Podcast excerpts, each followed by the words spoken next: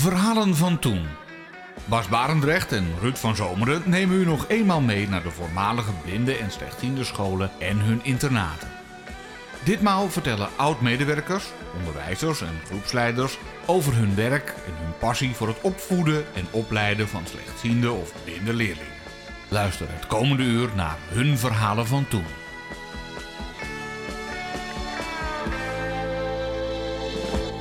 Vandaag richten we de schijnwerpers van verhalen van toen op Nijmegen. De stad waar in 1966 het Blinde Instituut voor Jongens, Henricus, een plekje vond. We praten met een tweetal bevlogen onderwijskrachten van Henricus die jarenlang op dit instituut hebben gewerkt. Anke Menne en Kees Breukens. Om te beginnen het woord aan Anke Menne. December 1972. Want uh, Kees was twee, maanden, e- twee of drie maanden eerder. Dus uh, ik heb één jaar normaal onderwijs gedaan. Heb ik voor de basisschool gestaan in Tiel. En daarna ben ik uh, door Frater Gervasius aangenomen.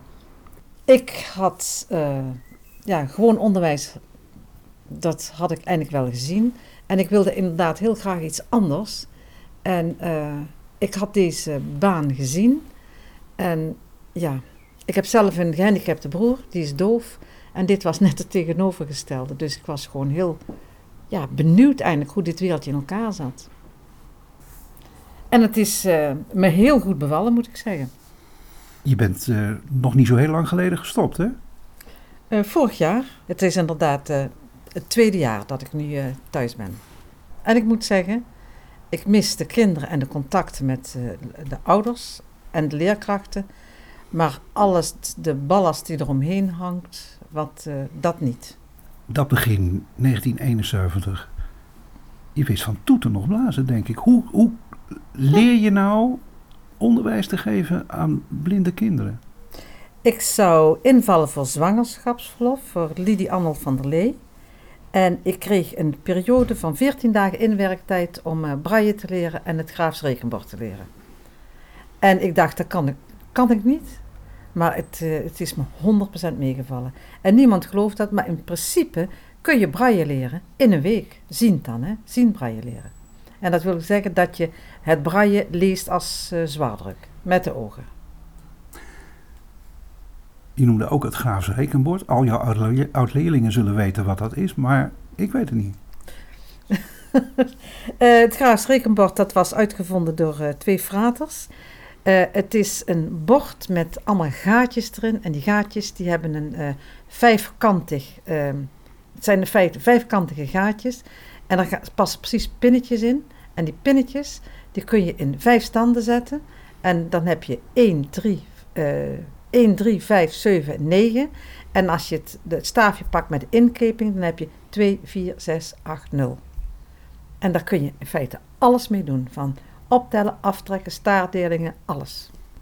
Ik vond het Graafs rekenbord heel erg effectief. Zelfs, uh, zelfs effectiever als die dactyloritmica. Maar daar durf ik verder niks over te zeggen. Omdat je er gewoon zo geschoold in bent en met de kinderen ook. Dat, dat ging gewoon, het liep als een trein. Maar ik moet wel zeggen, van, uh, ik zit nu, uh, ben verbonden aan het Graafs Museum. We hebben een heel hoop materialen nu van de fraters binnengekregen. En wij hebben altijd gestoeid zoals uh, leerlingen staardelingen moest maken. Dan had ik al vier, vijf, zes borden soms nodig om al die staardelingen kwijt te raken. Nou blijkt er, heb ik nu andere borden gekregen van, uh, van vroeger. En dan blijkt dat ook hele grote borden waren, waar, het, waar de staardelingen op pasten. Wel drie, drie rekenborden achter elkaar. Ja, je kunt kinderen natuurlijk leren rekenen. Je kunt ze leren schrijven. Maar er komen natuurlijk ook vakken aan bod waar uh, ja, toch ruimtelijke voorstelling, visuele voorstelling bij te pas komt. Hoe zat het met de leermiddelen in die beginperiode? Um, nou, ik moet zeggen, wij hebben ontzettend geput uit alle materialen die de fraters van tevoren verzameld hadden. We hadden ontzettend veel opgezette beesten, um, heel veel voelbare landkaarten. Ja, eigenlijk, al, eigenlijk alles was er. En op een gegeven moment, uh, toen had ik een, uh, mocht ik een nieuwe taalmethode aanschaffen. En toen liep er nog uh, zo'n frater, frater Casiano, sommigen zal wel wat zeggen.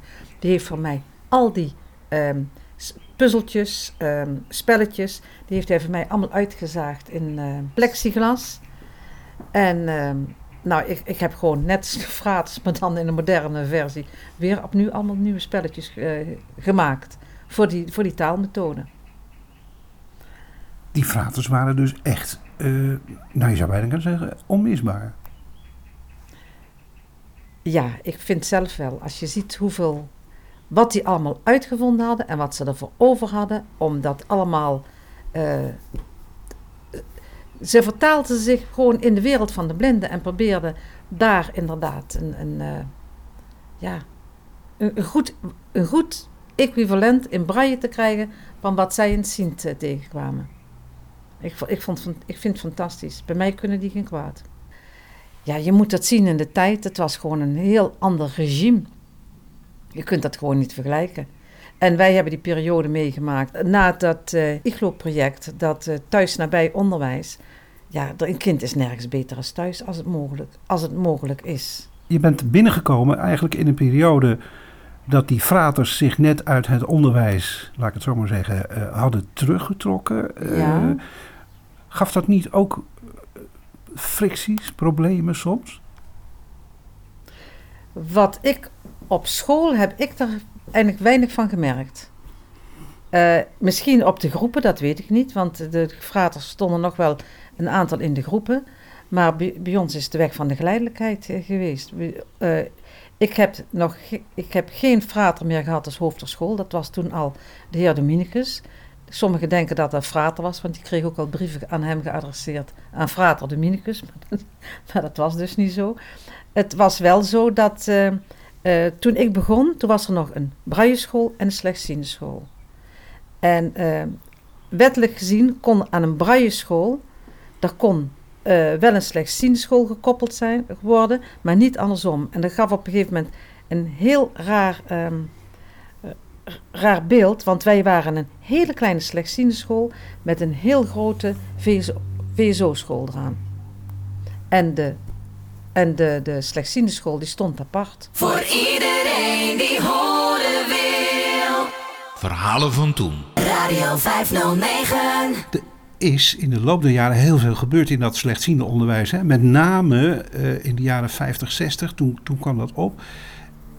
Uh, nou hoor ik heel veel mensen uh, die op slechtziende scholen gezeten hebben zeggen van ja, het was allemaal wel aardig en leuk. Alleen het probleem was, je mocht eigenlijk niet slechtziend zijn en er was ook helemaal niks aan hulpmiddelen. Uh, wat er was aan hulpmiddelen voor uh, slechtzienden, dat was, ik kan dezelfde loftrompet uh, afspelen als Anke net gedaan heeft, was toch door de fratas in elkaar gedraaid hoeveel sigarendoosjes wij wel niet hadden met aangepaste leermiddelen. En hoeveel, ja, dus echt een collega die zich de hele dag bezig hield met het aanpassen van de lesstof en dergelijke. En dat waren de belangrijkste dingen, maar de slechtzienden waren ziend. En daar moest je mee werken. Die moesten gewoon in die ziende maatschappij meekomen. En daar uh, werd het onderwijs dan op aangepast. En dat was toch een andere situatie dan bij de blinden. We kregen alleen een probleem op de slechtziende school met de kinderen die een achteruitgaande visus hadden. En die, die, eigenlijk, die je eigenlijk moest voorbereiden op het aanleren van braille. En dat probleem was wat groter, want dat had met twee aparte scholen te maken. En om dat goed te organiseren was niet eenvoudig. En niet alleen een praktisch probleem, ook een ja, een psychisch probleem zou je kunnen zeggen. Zeker, zeker. Ik kan me nog één leerling herinneren. Hij was onlangs nog op de reunie hier in Nijmegen. En die moest, uh, was bij mij op de slechtziende school in de eindgroep. En zijn visus was van dien aard dat Braille om de hoek kwam kijken. En daarvoor moest hij naar de Braille-school, dus naar een andere school. En uh, daar had hij dan een leraar, en dat was Rob Gienberger toen dat tijd, die gaf hem dus Braille-lessen. En als dat nou maar het probleem was, daarmee het probleem nou op, maar dat was het niet. Deze jongen zat natuurlijk ook met een ontzettend grote verwerking. En ik was een jonge onderwijzer. Ik wist ook even niet precies wat ik daarmee aan moest. Dus die jongen die bouwde daar ook nogal wat weerstand op. En daar was op dat moment niet veel aandacht voor. Ik wilde dat inderdaad aanvullen, want bij ons was net andersom gekeerd. Vroeger, of heel vroeg, voor mijn tijd, iedereen die op het instituut kwam, die leerde braaien. Of je nou blind was of slechtziend was. En ik had ook eh allemaal in de klas. Maar ik moet zeggen, dus Nijmegen was toch zeer vooruitstrevend. Want ondanks dat ik allemaal braille-leerlingen had, werden bij ons toch de eerste tv-loops aangeschaft. eh, om te kijken van eh, wat mijn blinde kinderen nog met hun restvisies konden doen. En dat vond ik al toen vond ik dat zeer progressief. Ja, datzelfde zagen wij bij de slechtzienden ook. Want wij zaten aan de andere kant van de medaille weliswaar. En wij begonnen ook met tv-loops. En onze collega's van de slechtziendescholen uit Rotterdam en Huis Heide en Amsterdam... die verweten ons als slechtziendeschool dat wij een tv-loop in huis hadden gehaald. Want dat vonden zij echt niet des slechtziends. Eh, dat moest echt eh, alleen bij de blinden thuis horen. En wij deden dat wel. Omdat daar toch, eh, weet, toch een aantal slechtzienden toch behoorlijk eh leestempoverbeteringen eh kregen. En Braille was maar niet 1, 2, 3 geleerd natuurlijk. En zeker niet voor een leerling die al eh, gevorderd was tot het eind van de basisschool. Enig idee waar die weerstand toch vandaan kwam bij die andere scholen? Dat weet ik niet. Die historie ken ik niet. Ik weet alleen dat eh, op een gegeven moment is er, heeft er een afsplitsing vraag plaatsgevonden bij het Koninklijk Instituut in Huizen. En is er een ehm, school speciaal voor slechtzienden opgericht in Huis ter Heide, de, de, de, Prins Alexander Stichting, met de school De Pos. Ehm, en die had twee satellietscholen, één in Amsterdam en één in Rotterdam. En Bartimeus en Henricus hadden, en, en de Wijnberg hadden ook een slechtziende school naast de Braille school. Ik had zelf de indruk in die jaren dat de drie satellietscholen, dus uit Rotterdam, Huis ter Heide en Amsterdam, veel meer gebrand waren op de emancipatie van de slechtzienden. Dus echt slechtziende, slechtziende en blinde, blinde. Echt dat goed gescheiden houden. En dat dat bij onze scholen, verbonden aan de instellingen, iets minder was. Want ik heb dat pas gevoeld toen ik met die mensen in contact kwam. Bij ons was er geen weerstand op de slechtziende school voor alles wat braille is. Was er helemaal niet. Heb ik nooit ervaren. Die heb ik daar pas ervaren. En op die, op die, eh, die scholen, daar werd ook heel veel ingestoken op eh, visuele training. Training. Want door, ze dachten, nee, dat- eh, hun visie was, als je eh visus was te trainen, De vies, het, het zien, het, het kijken is te trainen. En daar doe je verbetering mee op. En daar waren zo, hadden ze ook hele eh, zware programma's op ingezet. En die wij niet kenden bij ons, Nee. binnen onze eigen slechtziende school. Maar even die, die zientraining, ben je het daar niet mee eens dan? Is dat niet zo? Nou, dat weet ik niet. Ik ben natuurlijk eh, geen oogheelkundig specialist. Ehm, ik weet alleen wel dat training altijd helpt. Maar ik heb in de loop der jaren ook bescheiden leren zijn dat bepaalde oogafwijkingen gewoon met trainen niet te helpen zijn. En eh, ik had zelf de indruk dat, ehm, dat het voor iedere slechtziende gold. En ik denk achteraf gezien dat het niet voor eh, iedere eh, slechtziende zinvol is. Ik denk dat er heel veel goedzienden wel gebaat zouden zijn met een goede visuele training. Maar bij slechtzienden is dat toch een ander probleem. Maar ik, ik heb dus wel veel aan visuele training gedaan, zeker daarna ook in de ambulante begeleiding. En ehm, het is, eh, kijk, ik zeg, dat zei, zei ik ook heel vaak op de scholen. Je hebt ziende leerlingen die ook zeer vluchtig kijken, maar je hebt ook slechtziende leerlingen die eh, zeer vluchtig kijken. En je kunt een bepaalde manier van kijken kun je wel aanleren, maar dat is een gedrag. Maar de visus de- verbetert niet, maar het, het eh, visueel functioneren verbetert wel. Ja, en dat zijn twee grootheden. Anke heeft over visuele training, die we heel veel toegepast hebben, ook in de ambulante begeleiding en later ook. Maar de, de drie scholen die speciaal voor slechtzienden waren, die deden echt aan visus-training. Echt met de bedoeling om die visus te verbeteren. En niet het zien, eh, niet de visuele waarneming, maar gewoon de- het, het, het, het kijken, het zien verbeteren. Ik hoor je eigenlijk ook zeggen dat zij niet onderkenden dat er heel veel verschillende vormen van slechtziendheid zijn. Dat durf ik niet zo te stellen, maar dat zou mij wel zo even uit de losse pols, doet mij dat wel vermoeden. Maar goed, ik moet ook zeggen, wij, eh, dat, dat dateert allemaal van 60 jaren. En eind 50, begin 60 jaren. En de inzichten op visuele eh, mogelijkheden zijn natuurlijk aanmerkelijk verbeterd de laatste. De inzichten zijn verbeterd, zijn gegroeid. Dus ehm, ik wil ze niks verwijten. Dat zeker niet. Want het is, met de beste bedoelingen is dat gebeurd.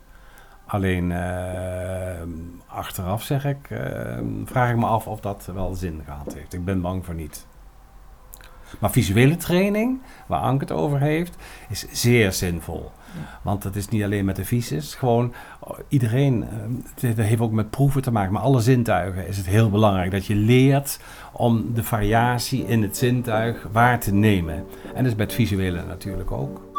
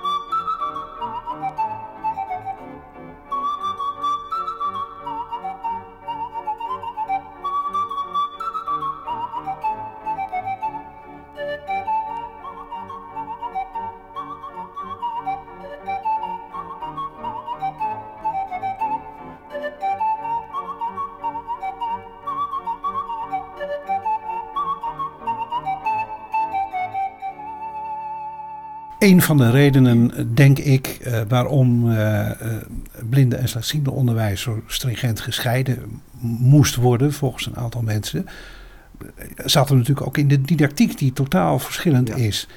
Desondanks heeft men bij Henricus besloten, ergens begin jaren tachtig, om die twee vormen van onderwijs samen te voegen. Maar daar wil ik wel even een lans voor opsteken. want wij hebben altijd hoog in het vaandel gehad de emancipatie van de slechtzienden, die ongeveer vanaf eind 40 jaren op gang is gekomen. Want voor slechtzienden bestond er geen didactiek. Die kregen desnoods maar een blinddoek voor en moesten maar meedoen met de blinden. Zo was het geregeld voor die tijd. En als je uh, dus dat niet wilde, dan moest je thuis naar school blijven gaan. Um, in die loop der jaren is de emancipatie van de slechtzienden zo op gang gekomen. En toen die eenmaal goed op gang was, toen hebben wij voorzichtig een poging gewaagd om ze bij elkaar te brengen. Maar wel met respect voor beide uh, didactische werkvormen die je voor zowel de blinden als voor de slechtzienden gebruikt. Daarom de integreerde klasse. We hebben ook niet alles meteen, uh, alles op één hoop gegooid het aanvankelijk lezen en het aanvankelijk schrijven, heeft ook heel veel nog apart plaatsgevonden. Omdat er toch bij een blinde een iets andere situatie is dan bij een, uh, bij een slechtziende. Uh, dus in die zin snap ik het verwijt. Jullie hebben alles weer op één hoop gegooid, maar dat durf ik uh, zeker te zeggen dat het niet waar is. We hebben dat echt heel goed per situatie bekeken en beide, beide ehm, beperkingen uh, gewoon zo goed mogelijk uh, bediend in het aanleren van vaardigheden binnen het onderwijs. En wij, stond, wij stonden inderdaad aan de, aan de wieg in feite van geïntegreerd onderwijs. En wij hadden echt heel groot in een slogan staan van alles wat je in, het, in zwartdruk aanbiedt, moet ook in braille aanwezig zijn. Dus er werd niet zomaar eventjes gezegd van, oh, lees jij dat even aan hem voor of zoiets alles moest in zwaardruk, moest ook in braille aanwezig zijn. En uh, dat hebben we per jaar uit, uh, uitgebreid. Wij stonden ook met uh, twee docenten voor de klas. Eén echt specifieke braille-docent en een echt specifieke slechtziende docent. En wij probeerden zoveel mogelijk samen te werken. Want ik had een collega en Kees had ook een collega. En ja, ik had een braille gespecialiseerde collega en Anke had een slechtziende gespecialiseerde collega erbij. Omdat Anke de braille school voortkwam en ik kwam uit de slechtziende school voort. Ja, wij, en we hadden, ik moet wel bij zeggen, wij waren natuurlijk wel met klassen van 16, 17 kinderen. Hè? Eh, de klassen zijn nu veel kleiner. Wij hadden toen met twee leerkrachten wel een, een behoorlijke groep. We hadden geen klasassistent, we moesten allemaal zelf doen. Klasassistenten bestonden niet. En we hadden 17 of soms al 18 leerlingen in onze klas. Maar ik moet zeggen, zo nu en dan had ik wel... Uh uh, van de groepsleiding uh, ja. assistentie. Ja. Jullie hebben ook in het reguliere onderwijs gezeten, zei het heel kort. Daar wordt klassikaal onderwijs gegeven. Je staat voor een klas met uh, toen de tijd 40 leerlingen of 45 misschien wel. Dat is een hele andere vorm van onderwijs geven dan het bijna Montessori-achtige dat op de blinde is, blindenscholen werd gegeven. Ja, maar eh, dat moet Ank ook uh, beamen, denk ik. Uh, je leert wel je vak in zo'n klas met, uh, van het reguliere onderwijs. dat je gewoon moet zorgen dat leerlingen ja, bepaalde kennis overgedragen krijgen. en dat, en dat, ze die, dat je zorgt dat die kennis beklijft en dat je dat toetst. En dat je aan het eind van het jaar kunt zeggen, nou dat en dat doel is bereikt.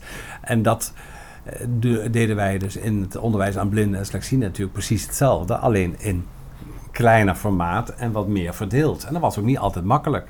Ik heb één keer een klas gehad met acht leerlingen. En er kwam er een stagiaire die zei, nou jij hebt het makkelijk. Acht, met acht kinderen. Dat was toen nog echt, uh, was dat niet not done eigenlijk. Acht leerlingen in de klas. Maar er waren acht verschillende niveaus en dergelijke. Dus daar had ik best mijn handen aan vol. En dat was heel ingewikkeld. Maar je hebt ook een heel ander soort contact met je leerlingen. Ja, dat is wel waar, ja. ja. ja dat, Vertel daar eens iets eh, over. Ja, wat, wat, moet ik zeggen eigenlijk? Je, ehm, dat kan ook nadelig zijn natuurlijk, maar je, je bent meer gewend om naar de individuele behoeften van ieder kind apart te kijken. En dat was in een, in een reguliere school wat minder. Daar had je gewoon de opdracht, deze groep moet in een jaar van A naar B. En zorg er maar voor. En bij de ene leerling had je wat meer aandacht en de andere helemaal niet. Maar deze leerlingen kende je allemaal wel heel goed. Uh, je had daar dossiers van, wat ik in het reguliere onderwijs helemaal niet bekend, uh, waar bekend mee was. Uh, dus je leerde de kinderen wel beter kennen. En ja, je, je ging wat langer door met één leerling als die de stof zich niet goed eigen kon maken. En dat is iets anders, denk ik, dan in het reguliere onderwijs krijg je daar ook mee dat je je in sommige gevallen hecht aan leerlingen? Nou, ik moet wel zeggen, het eerste jaar dat ik daar werkte en aan het eind van het schooljaar de klas uh, over moest dragen aan een ander, had ik iets van een gevoel wat ik, wat ik eigenlijk niet kende. Ik denk, god, ik moet ze in de steek laten. En dat, dat, dat vond ik wel en uh, was bij mij een hele aparte ervaring, ja. En daar raak je ook weer aan gewend natuurlijk. En uh, ik denk dat het heel goed is. Want ik geloof er wel in dat je. Er zijn ook onderwijsvormen waar je drie jaar of soms de hele basisschoolperiode dezelfde leerkracht houdt. Uh, daar ben ik niet zo voorstander van. Maar ik heb wel toen ervaren dat ik het moeilijker vond om de groep los te laten. Ja, dat klopt. Nou ja, ik had inderdaad kleine klassen, maar ieder werkte op zijn niveau. En um, dat van de ene kant, ik had ook dagrapporten. Uh, elke dag hield ik gewoon bij waar iedereen met zijn vak gebleven was. En uh, ja, het, het, ik heb één, één klas, dat was wel heel typisch. Toen, toen waren er geen braille-docenten meer aanwezig. En die heb ik vijf jaar gehouden. En dat was eigenlijk, ik kreeg ze in de groep vier. En toen zei er eentje, ik vroeg een keer wat is een strand? En toen zei er eentje, oh juffrouw, dat zijn wel duizenden korrels zand. En op het eind zei er, hoe laat je nou merken dat je verliefd bent? In die, in die vijf jaar gebeurt dan zoveel met, met die kinderen. En ja, dat waren gewoon een stuk eigen kinderen. Je moest dan ook gewoon aan een stuk losmakingsproces beginnen. Als, uh, als, als je afscheid van hun moest nemen. En je kent ze van haven tot gort. En soms moest je zelfs heel bewust doen alsof je er niet was. Want uh, dan maakte, als ik de klas inkwam, dan, uh, dan liet ik wel merken dat ik kwam. Want anders dan, dan voelde je gewoon een spion van je eigen leerlingen. Ja, wat er ook bij kwam kijken was bij mij heel duidelijk van dat ik toch uh, emancipatoire bezig wilde zijn. Leren opkomen voor jou als persoon met deze beperking. Toen spraken we nog over een handicap. Dat was, dat was eigenlijk een heel gebruikelijk woord. Hè? Een visuele handicap was, was algemeen gebruikt. En ik heb altijd wel gevoeld, ik moet jullie klaarstomen voor die maatschappij. Dat jullie daar in ieder geval je mannetje of vrouwtje kunnen staan dat gevoel had ik wel heel sterk. En daar was ik ook altijd wel mee bezig. Dus in, in termen van weerbaarheid? Weerbaarheid. En uh, voor je eigen zaken opkomen. En, uh, maar, ook, maar ook doen wat je wel kunt. Want we hadden natuurlijk ook leerlingen die het makkelijk vonden als alles voor ze gedaan werd. Omdat, ja, als je uit een gezin komt waar, waar men de, of uit een omgeving komt waar men de handicap als zielig ervaart en alles voor je doen. Dus niet altijd wordt een kind, mens niet altijd beter van. Dus we hebben ook altijd wel geprobeerd. Ik denk dat er voor Anke ook geldt met de blinde kinderen van sta je mannetje en zorg dat je het zelfstandig kunt doen. En, uh, ik heb ook altijd gezegd met stoklopen, ook met slechtzienden, ook, maar, ook altijd van, eh, maar, maar dat geldt ook voor blinden. Oversteken, dan moet je zelf kunnen. Maar als het druk is, vraag iemand een arm. Want er zijn er die zeggen, ik moet het zo zelfstandig doen, ik moet het altijd zelf doen. Dan staan ze soms een uur te wachten voor ze over kunnen steken. En dat is ook een slechte uh, uitgangssituatie. Dus dat waren ook wel dingen. En dat, dan raak je ook wel de, ja, het wezen van de, van de kinderen uiteindelijk mee. Hè? Dat ze zelf opkomen voor hun, uh, voor hun eigen belangen en uh, voor hun zelfstandigheid. Gaat dus verder dan uh, de tafel van negen. Ja, Zeer. absoluut. Dat is absoluut een feit. Dat is, ja, ja, ja, je was ook echt, ja, ja, het was een twee sporen beleid, zeg ik wel. Ik bedoel, je bent ook met de persoonlijke vorm heel sterk bezig. Heel sterk. Ja. Dat was inderdaad heel sterk. Maar de buitenwereld moet er ook aan mee willen werken. En dat gebeurde niet altijd. Want daar heb ik gewoon een hele leuke anekdote van. Op, ik had het laatste uur, ging ze naar het zwembad. En uh, dan haalde ik ze meestal op. En uh, ik kwam daar en, dat, ik, en ik wist gewoon niet wat ik zag. Ze want na, na mijn zwemles, of na de zwemles van mijn kinderen, daar kwamen mensen van buitenaf kwamen daar zwemmen. En wat zag ik? Ze staken, mijn kinderen staken hun voeten uit en die moeders van die buitenkinderen, die waren allemaal die schoenen aan het strekken. Ik zei, maar jongens, wat zijn je toen? Ja, juffrouw, dat vinden ze zo leuk. En toen zei we kunnen het zelf wel, maar dat laten we dan niet, niet, niet uh, blijken. Ja, dat, uh, en daar kwam inderdaad een zeer uh, klasgesprek uit voort, ja. dat weet ik wel. Ik weet nog, we gingen naar Lourdes ben je, en uh, daar hadden wij tegen de leerlingen gezegd... en denk eraan, hè, als ze je een, een gulden geven voor een ijsje, niet doen hoor. En, want je bent niet zielig. En zo, zo gingen wij naar Lourdes. Waarop een van de leerlingen zegt, nou ja, ik wil eerst die gulden. En dan zeg ik, ik ben helemaal niet zielig.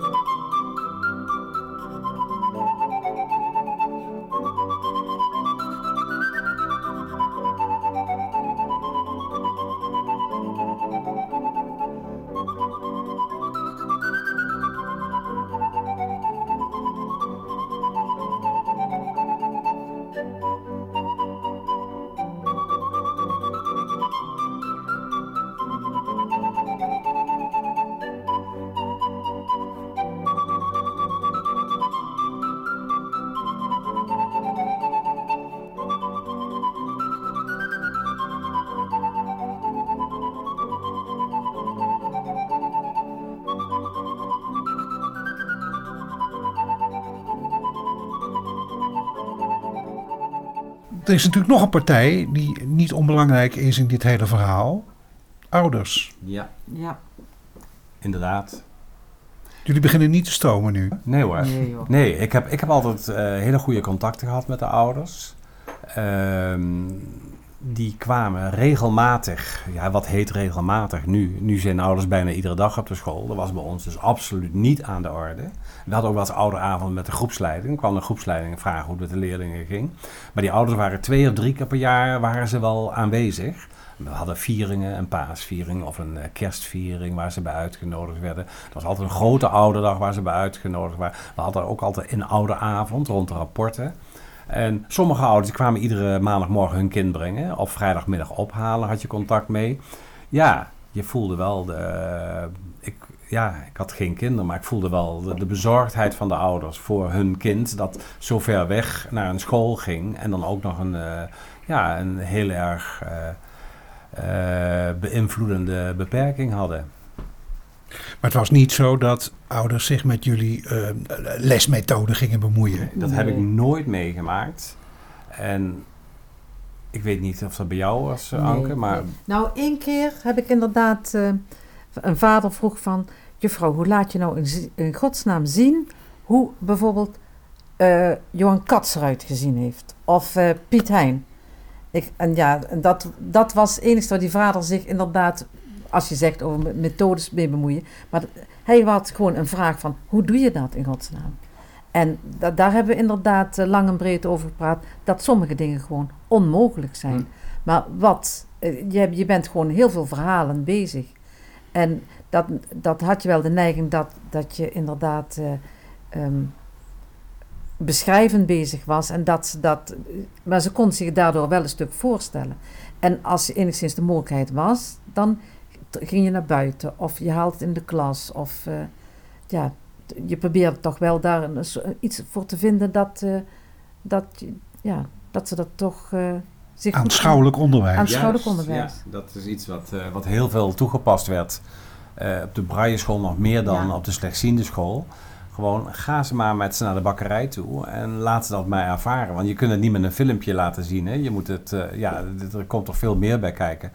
En dat gebeurt op de braille school denk ik nog veel meer dan op de slechtziende Ja. school. Wij konden nog met plaatjes en met dia's en daar konden wij nog een heleboel eh, compenseren. Omdat wij... eh, we hadden voor twee, voor, het was toen heel luxe, voor twee slechtzienden hadden wij één beeldscherm van de televisie. Weliswaar zwart-wit meestal. Maar ja, wij hadden wel compensatiemogelijkheden. Maar een, een blinde had nog veel meer ervaring nodig om, om de, ja, de wereld zich eigen te maken, denk ik. En dat was van de ene kant wel heel mooi toen wij op een gegeven moment besloten om blind en slechtzienden in één klas te doen. Daar hadden de slechtzienden ook heel veel profijt van. Want wij haalden een echte vis in de klas. En eh, eh, alle dingen waren op een gegeven moment echt. En die slechtzienden, die, eh, die heel vaak gezegd hadden, oh dat weet ik wel, of ik heb het wel gezien. Die werden nu in feite gedwongen om beter te kijken naar het, het echte. Een echt bijvoorbeeld een echte vis, als het woord vis leerden. En dat, eh, dat, ja, dat hebben je van ouders ook wel teruggehoord. Dat ze, het ging op een langzamer tempo, maar ze haalden er ook profijt van dat het langzamer ging.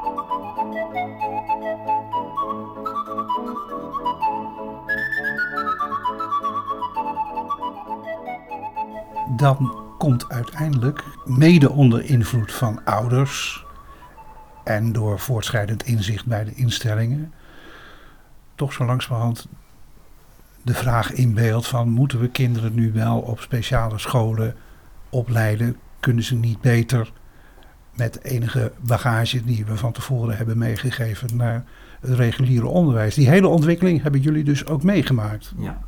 Van vooraf aan. En die heeft ook stapsgewijs plaatsgevonden. Want de eerste leerlingen die eh, begeleid werden, waren toch de slechtzienden. En daarna kwam de groep eh, blinden in het voortgezet onderwijs. En die kwam al vrij snel hoor. Die kwamen eigenlijk als eerste.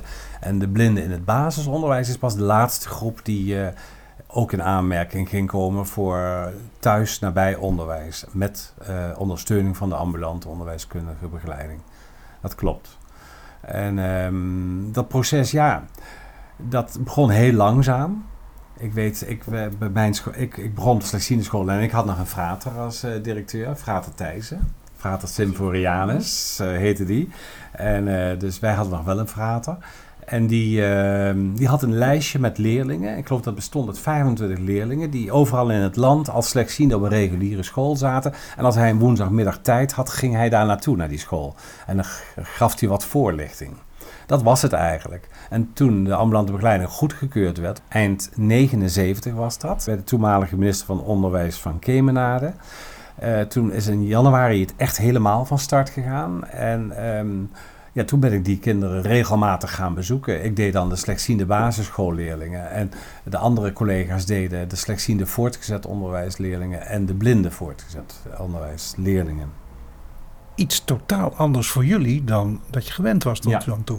Ja, is het ook. En daar groei je ook maar langzaam in. Je hebt heel veel ervaring opgedaan met het werken met deze kinderen. En je hebt er heel veel over bijgestudeerd. Want Anke en ik hebben natuurlijk ook nog onze opleidingen gevolgd naast het uh, lesgeven. En dan krijg je toch een, uh, ja, bev inzicht bevorderend werk dat.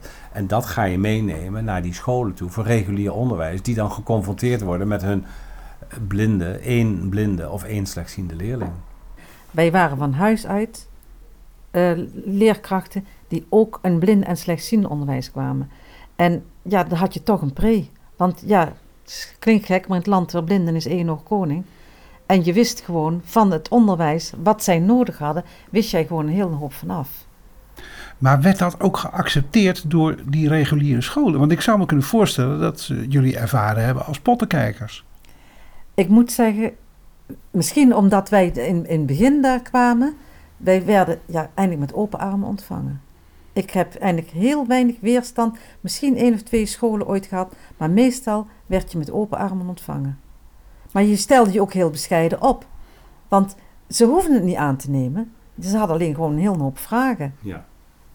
ik denk dat bij de blinden dat het nog makkelijker was. Want dat die, uh, die zaten helemaal om het hand. Want die, uh, ja, daar kwamen een heleboel vaardigheden bij die zij helemaal niet beheersten. En de leerkracht uh, leerde die school, of een aantal mensen op die school, die vaardigheden aan. Zoals braille schrijven, braille lezen en dergelijke. Op de basisschool dan, hè, niet in het voortgezet onderwijs. Maar ik uh, als ambulant begeleider voor aanvankelijk alleen slechtziende... heb dat wel eens wat vaker ervaren hoor, een stuk weerstand. Want met name een leerling die uh, voor ons, wat noemden wij op de slechtziende school, dat waren dan de goede slechtzienden. Ja. Uh, je had een grens van visus van 30%. En we hadden natuurlijk ook leerlingen die tegen die 30% aanzaten. Dat waren bij ons de goedzienden. En uh, ja, dan was het niet al. En zeker als ze een beetje clever, goed, uh, goeie, goed intelligent waren. En uit een gezin kwamen waar ook het onderwijs hoog in het vaandel stond. Nou, dan had je wel eens een keer een zware dobber aan een leraar die dacht: ik weet het allemaal zelf wel. Dus dat heb ik wel ervaren, ja. ja. Dan moet je dan doorheen breken of gewoon laten gaan. Maar dat, is een, dat was altijd een subtiel zoeken naar de juiste weg. Ik heb zelfs één school gehad en dan zou deze tijd niet meer mogelijk zijn. Die leraar, die school ging om 12 uur uit en die leraar was één minuut over 12 uit de school. En dan begon hij om half twee en dan was hij één minuut voor half twee was hij er. En om vier uur ging hij ook weer weg. Dus ik kon haar, en dat was vrij ver van Nijmegen af, waar wij. Uh, dus die man, uh, die, die, ja, dan moest ik maar tussen de lessen hem instructie geven. Dat kan natuurlijk niet. Je kunt niet als een leraar voor de klas staat ook nog het een en ander vertellen over een slechtziende. En die directeur van de school had ik daarover aangesproken. Die kon daar niks aan doen. Maar tegenwoordig is het in het onderwijs ook zo. Je werkt van 8 tot 5. En um, buiten het lessen om heb je ook je taken en verantwoordelijkheden. Maar dat was toen nog niet. En dat was best heel ingewikkeld. Want ik kon mijn eind niet kwijt. Die eerste jaren, hè, eind jaren 70, begin jaren 80, dat was echt pionierswerk, denk ik. Alles moest nog uitgevonden worden. Nou, dat heb ik ook zulke goede herinneringen aan. We waren met een uh, team van mensen die echt aan het pionieren waren. Alles waren we aan het uitvinden. En en we gaven elkaar opdrachten om bepaalde dingen die algemeen waren uh, uit te voeren. Ik kan één voorbeeld geven. Op dit moment is het heel gebruikelijk, zowel binnen Visio als binnen Bartimeus en uh, zo, is een cursuscentrum. Uh, dat heet dan tegenwoordig de Visio Academie. En wij ontdekten dat wij heel veel ouders spraken die problemen hadden, die helemaal met elkaar overeenkwamen. En waarvan wij dachten, moeten wij nou die ouders vertellen? Laat ze het maar elkaar vertellen. Dus wij gingen toen ouderdagen organiseren. Dat waren eigenlijk de eerste studiedagen. Waar ouders van kinderen uit, slechtziende kinderen uit groep 4 en 5 bijvoorbeeld bij elkaar kwamen. Of ouders van blinde leerlingen in de brugklas bij elkaar kwamen. Om ook ouders met elkaar te laten praten over wat zij als ouder ervaren in de problematiek uh, van het onderwijs voor hun kind in het reguliere onderwijs dan. Dus dat, uh, ja, toen zijn we dus, dat hebben we allemaal toen opgericht eigenlijk. Hè? En we zijn ook begonnen met uren schrijven, want op een gegeven moment was ik net bezig, ik denk, "Jee, ik ben onderwijzer, maar het lijkt wel of ik chauffeur ben. Ik zit zoveel in die auto, hè, want ik moest toen naar Maastricht en ik moest naar Ossendrecht en ik moest naar. Enschede en Almelo. Dus ik had ideeën. Wat, en toen hebben we ook met elkaar afgesproken, we gaan precies opschrijven. Hoeveel uren reis je, hoeveel uren ben je met voorbereiding bezig, hoeveel uren geef je daadwerkelijk, doe je aan observatie, hoeveel uren geef je instructie en al die dingen meer om maar een beeld te krijgen. Want ja, we werden gewoon in diepe gegooid en eh, dat was wel een goed beeld om inzicht te krijgen in de mogelijkheden. Toen wij begonnen in eh, Nijmegen, heb ik het nou even over, alleen over Nijmegen dan, zijn we met, eh, één, met vier mensen begonnen. Nee, vijf. Vijf mensen. En eh, die hadden één keer per week contact met elkaar, ja. En dan kwamen al deze dingen boven tafel. Het is een ernstig eenzaam beroep en ik kan het niemand aanraden om dit alleen te doen. Je moet niet eh, zeggen ik neem ontslag en ik ga blind of slechtziend in het regulier onderwijs begeleiden. Want dat is, je hebt elkaar nodig. Je hebt elkaar heel hard nodig. En zeker in de pi- eh, pioniersperiode. Want ja, in feite moesten we gewoon alles zelf uitvinden. We hadden voldoende uren om het inderdaad eh, te doen. Ja, maar dat kan misschien nu wel anders zijn. Maar hè? nu is dat anders. Want kijk, wij hadden, wij hadden een caseload, zoals dat heet, van ehm slechtziende basisschoolleerlingen, eh, 24. 24. Ik noem maar wat. Ehm, blinde basisschoolleerlingen, 5 of 6.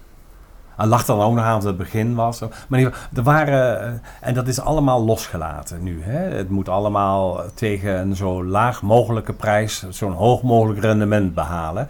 En dat is wel eens voor, hoor ik wel eens voor mensen die nu de ambulante begeleiding doen. Ja, dat ze wel eens zich het vel over de oren gehaald eh, voelen. Maar dat geldt ook voor het reguliere onderwijs hoor. Leerkrachten hebben dat, diezelfde ervaring. Maar eh, ja, dat is dan. eh, ja, wij hadden toch, eh, denk ik, een beetje de luxe dat wij ehm, ja, eh, toch tijd konden besteden aan de leerlingen en aan het gezin ook. Hè? Tegenwoordig mag je niet meer bij de ouders thuiskomen. Ehm, vroeger gingen wij na het bezoek altijd, na het bezoek aan de school en de instructie gingen we altijd na school, voor we naar huis gingen, eerst bij de ouders langs, vertellen wat we meegemaakt hebben. Tegenwoordig is dat helemaal niet meer. De, de ouders moeten maar naar de school komen als ze willen weten hoe het gaat. En ja, dat is allemaal anders. Maar wij kwamen ook landelijk bij elkaar, hè? Het is niet alleen binnen ons instituut in Nijmegen. hè. Wij kwamen één keer in de zes weken ook met de alle, alle andere instituten, de ambulante begeleiders bij elkaar. Omdat wij al het ja, nog allemaal moesten uitvinden met elkaar. Enig idee hoe pupillen dit allemaal ondergaan hebben? Ik denk ook zoveel hoofden, zoveel zinnen. Sommigen die hebben dat ervaren als heel prettig. Maar ander, er zijn ook le- eh, leerlingen die wilden op een gegeven moment ja, liever niet. Ze wilden niet opvallen, niet opvallen. En zeker als je in de klas erbij zat. Eh we moesten op een gegeven moment de keuze maken tussen basisschoolleerlingen begeleiden en voortgezet onderwijs. Ik heb toen gekozen voor eh, basisschool, eh blinden en vooral slechtzienden. En op een gegeven moment, als een kind in de puberteit kwam, en je had hem, hij was altijd begeleid op de basisschool en niks aan de hand. En dan kwamen ze voor het onderwijs en dan wilden ze liever niet meer als slechtziende te boek staan. En daar, ik denk, daar hadden mensen in het voortgezet onderwijs wel meer moeite mee, of niet Kees? Ja, handicapacceptatie noemen we dat. En dat eh, is iets wat eh, bij een aantal kinderen al heel jong opkomt daar. Dat heeft ook, eh, er zit wel een relatie in. Hoe gaan ouders er al mee om hè, met de handicap van hun kind? Als ouders daar wat makkelijker mee om kunnen gaan, wat natuurlijk echt kunnen is, want het is natuurlijk niet, het is niet mis hoor, om geconfronteerd te worden met, een, met je eigen kind dat een beperking heeft. Ehm, dan was dat wel iets weer gemakkelijker voor de kinderen, was mijn ervaring. En, ehm, maar in de puberteit komt het allemaal eh, weer terug en nog een verhevigde vorm. En dan zijn er een aantal die willen absoluut niet bekend staan, zeker niet binnen de school, als iemand met een visuele beperking. En met name onder de slechtzienden komt dat heel veel voor. En die, die walgen ervan als de ambulant begeleider komt. Die mag hooguit een telefoongesprek met ze hebben over de problemen en de zaken oplossen die er liggen, maar absoluut niet in de school komen, want eh, dat stigmatiseert hen en dat willen ze niet. Ik begrijp het heel goed. Ik vind het alleen wel jammer, omdat eh, ik heb altijd in mijn emancipatiestrijd verteld aan de slechtziende. Ik zeg, je hoeft het niet aan iedereen te vertellen, maar de mensen die belangrijk zijn voor jou, die moeten het wel weten, heb ik altijd geprobeerd te zeggen wat wij in een basisschool al meegemaakt hebben. Maar op een gegeven moment was een slechtziend kind was het mikpunt van de klas. En wat bleek, er was één leerling was de aanstoker. En die was in feite jaloers op het feit dat deze leerling eh, een bril had. En ik heb het ook al meegemaakt dat er iemand speciaal voor hem kwam. En dan worden ze gewoon het mikpunt. De extra aandacht. Dan worden de anderen jaloers op. En dan worden ze gewoon daardoor gepest. En daarom heb ik ook altijd gezegd: als je een bril hebt, geef hem aan die anderen. Laat die anderen die bril opzetten. Als je een kijkertje hebt, laat die anderen met dat kijkertje spelen. Ehm, probeer, probeer er open over te zijn, zodat het feit dat jij dat krijgt, dat dat niet is iets om jaloers op te zijn, maar gewoon iets wat je keihard nodig hebt. En dat is altijd wel een strijd geweest die Anke en ik altijd hebben moeten eh, bevechten, ook met de leerlingen in het reguliere onderwijs. Van laat je niet ondersneeuwen. Maar niet Maar- alleen kinderen, maar ook de ouders. Ja. Want wij hebben samen een leerling gehad in Maastricht. En eh, die moeder die zei op een gegeven moment... eh, ik, kreeg, ik kreeg laatst een, ander, een ouder aan de deur en die zei... Waarom moet jouw kind zoveel aandacht hebben? Dat gaat ten koste van mijn kind in de klas. Ja, en dan... Ja, het is heel moeilijk om dingen duidelijk te maken en zeker ook aan buitenstaanders. Want- En hoe los je dat op dan? Dat, ja, dat ligt ook aan de persoon. Als het inderdaad soms een heel hardleers iemand is, dan kun je nog proberen inderdaad met een eh, simulatiebril iets te laten zien. Mevrouw, wilt u dit even lezen? En snapt u nu waarom dat, eh, deze jongen meer aandacht krijgt? Je moet gewoon zoeken naar... Nou ja, cognitief zeg ik altijd gewoon confronteren met het feit. Het punt is, als een leerling die slechtziend of blind is op een bepaalde school zit, krijgt die school ook extra faciliteiten voor. Krijgt daar extra eh, uren voor, krijgt daar extra geldmiddelen voor. En eh, dat kun je dan met je ouders bespreken. Ja, het is natuurlijk geen eh, pretje om een kind te hebben dat deze aandoening heeft. Maar de, de, de extra zorg die hij krijgt, die, eh, da- da- daar, daar zijn middelen voor. En dat weet u misschien niet, maar die zijn er niet voor uw kind. Dat je gewoon, ja, gewoon de zaak bespreekt met ouders die daar moeilijk over doen.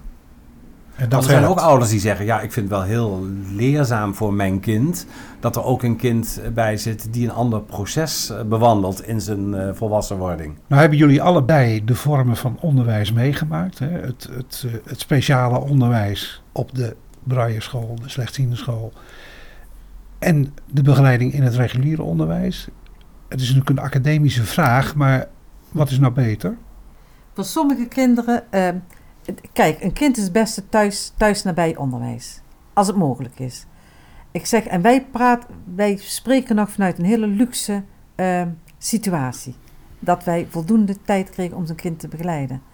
Maar, ehm, en in eerste instantie bleven de kinderen eh, eh, thuis die het inderdaad visueel en cognitief aan eh, ehm, konden. Maar nu, ja, iedereen moet het thuis wel proberen, maar het kan niet altijd. En ik ben altijd blij geweest dat ik de, de school nog achter de hand Ja. houd. En Als, ik, als een kind echt helemaal vastliep, dat ik toch terug kon plaatsen, al was het maar voor één of twee jaar, om even op adem te komen, dat hij gewoon in zijn eigen om, eh, tussen ehm, soortgenoten zat. Voor sommige kinderen was dat even een opluchting. Ik heb heel lang nog gepleit, zeker voor een braillekindje, als hij echt braille moest leren, geef hem één jaar de tijd om inderdaad op een brailleschool te zitten, dat hij heel de technieken onder de knie krijgt. Want anders moet het tussendoor in de reguliere setting. Ja, en, Maar, ja, en daar ben ik ontzettend met jou eens. En dat is allemaal leuk als jij in Nijmegen woont. En je Ja. hebt in Nijmegen een school waar dat kan. Maar als jij in Maastricht woont en je kind moet naar Nijmegen, dan moet je je kind van zes jaar wel eh, naar een internaat sturen. En, en dan is de situatie heel anders. Ik ben, ik ben later ben ik als orthopedagoog gaan werken binnen de ambulante begeleiding. En toen moest ik dus veel eh toelatingsonderzoeken doen voor kinderen. En dan zag ik vaak kinderen waarvan ik zei, ja, ik zou eigenlijk willen dat jij naar, de, naar onze school voor speciaal onderwijs gaat. Want jij, jouw problematiek is van die aard, die heeft even die speciale zorg van het speciale onderwijs nodig. Mhm. En dan kon ik nog zoveel argumenten op tafel leggen. Maar tegenover mij zat een kritische directeur altijd en een kritische ouder. En eh, die zeiden, nee, het gebeurt niet. Mijn kind moet thuis naar school. En dan kon ik als deskundige zeggen, hoog en laag springen. Het kind ging thuis naar school. Ja. En daar heb ik geen enkel probleem mee hoor. Daar ga ik 100% achter staan. En dat doe ik ook. Maar dan zeg ik alleen, ja, een beetje jammer voor het kind. Want het zou een, een, een, opsteken voor dit kind zijn om dat een jaar zo te doen. Maar Anke en ik hebben ook heel veel leerlingen meegemaakt die maar bleven aanmodderen in het reguliere onderwijs. En waarvan wij zeiden, ja, eigenlijk zou jij naar het uh, internaat, of tenminste naar de speciale school moeten. En misschien ook wel internaat erbij. Omdat de omstandigheden zijn dan ook en thuis en op school zo ingewikkeld geworden. Dat je zegt, die hebben even toch meer zorg nodig. Maar daar heb je als deskundige, Anke als ambulant begeleider en ik als orthopedagoog dan ook niks op te vertellen. Want de ouders en de directie bepalen. En dat is misschien maar goed ook. Ik hoor heel vaak mensen om me heen en dan vooral mensen die vroeger uh, jarenlang intern op een blindeninstituut hebben gezeten, zeggen van ik ben blij dat ik daar gezeten heb, want we waren gelijk onder gelijken. We hoefden niet op onze tenen te lopen. We waren geen uitzondering. We konden doen en laten wat we wilden, want we waren allemaal gelijk. Dat missen die kinderen die dus vanaf hun zesde in het reguliere onderwijs gaan. En dat, dat klopt. En daarom waren wij toen heel blij toen wij het, het cursuscentrum hadden, of nu, wat toen de Visio-academie uh, was. Want uh, wij hadden al voor, um, we hadden cursus, één keer per jaar was een cursus voor groep drie. Alle kinderen van groep drie en de ouders. Van groep 4, van groep 5, van groep 6. En dat waren. slechtziende, ook nog apart als dat wil. Ja. En die kwamen allemaal bij, die kwamen één keer per jaar bij elkaar en dat was gewoon een groot feest, feest van herkenning. Ze konden even hun ei kwijt en die ouders ook met elkaar. Helaas door de bezuinigen is dit ook eh, steeds, weer steeds meer afgeschaft. Want wanneer zien die ouders elkaar dan nog? Waar zij inderdaad met elkaar over dit soort zaken, over de opvoeding eh, kunnen praten. Dat is een ernstige verschraling dat er niet meer kan. Maar we hadden daarbij, moeten we ons de eerlijkheid zeggen, ook kinderen die dat echt niet wilden. Hè? Die al heel jong met een handicapacceptatieprobleem zaten. En die dat veel te confronterend vonden. En de ouders ook trouwens. Hè? En, uh, want ja, goed. Um, wat je ontkent, dat is er niet. Wat er niet is, dat is er, bestaat niet. Weet je? Ik wil alleen maar zeggen dat, ja, dat het voor heel veel kinderen en ouders soms heel moeilijk is om te accepteren dat dit een onderdeel is van hun bestaan. En dan ontken je toch iets, ontken je iets wezenlijks van jezelf. En dat is, uh, dat is nog niet uitgeroeid hoor. Dat is nog zeker uh, aanwezig uh, in mensen. Ik kan me voorstellen dat het heel prettig is om onder gelijkgezinden op te groeien. zodat je ook eens een keer de snelste kunt zijn of het beste kunt zijn. Want dat is voor onze kinderen vaak een groot probleem. Dat ze nooit de snelste zijn, oftewel altijd de langzaamste en nooit de beste. En dat is ook zoeken. Maar ik ben bang dat dat hun hele leven een rol speelt in hun bestaan. En dus ze leren daar ook mee omgaan. Maar je leert dan heel jong, leer je ook ja, die problematiek incasseren. En probeer je aandacht voor te geven. Ik snap het heel goed wat, wat, net op tafel komt, van dat het moeilijk is. Maar het is ook een kwestie van die beperking heb je en daar moet je mee leren leven. En zo jong mogelijk mee beginnen is misschien goed. Dan kun je ook nog eens een keer alle facetten van dat probleem goed naar voren laten komen. Maar ik zeg niet dat ik de waarheid in pacht heb.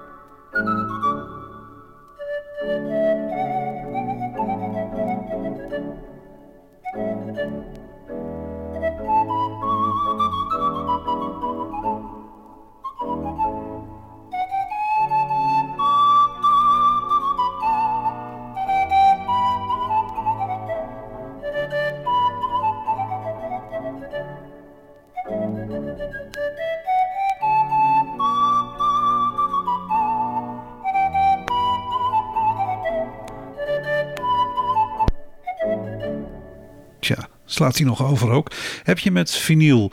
Het was eh, de Roemeense panfluitspeler George Sanvier als omlijsting van het verhaal van Anke Menne en Kees Breukens. En tevens het einde van deze aflevering van Verhalen van Toen. Tot volgende week.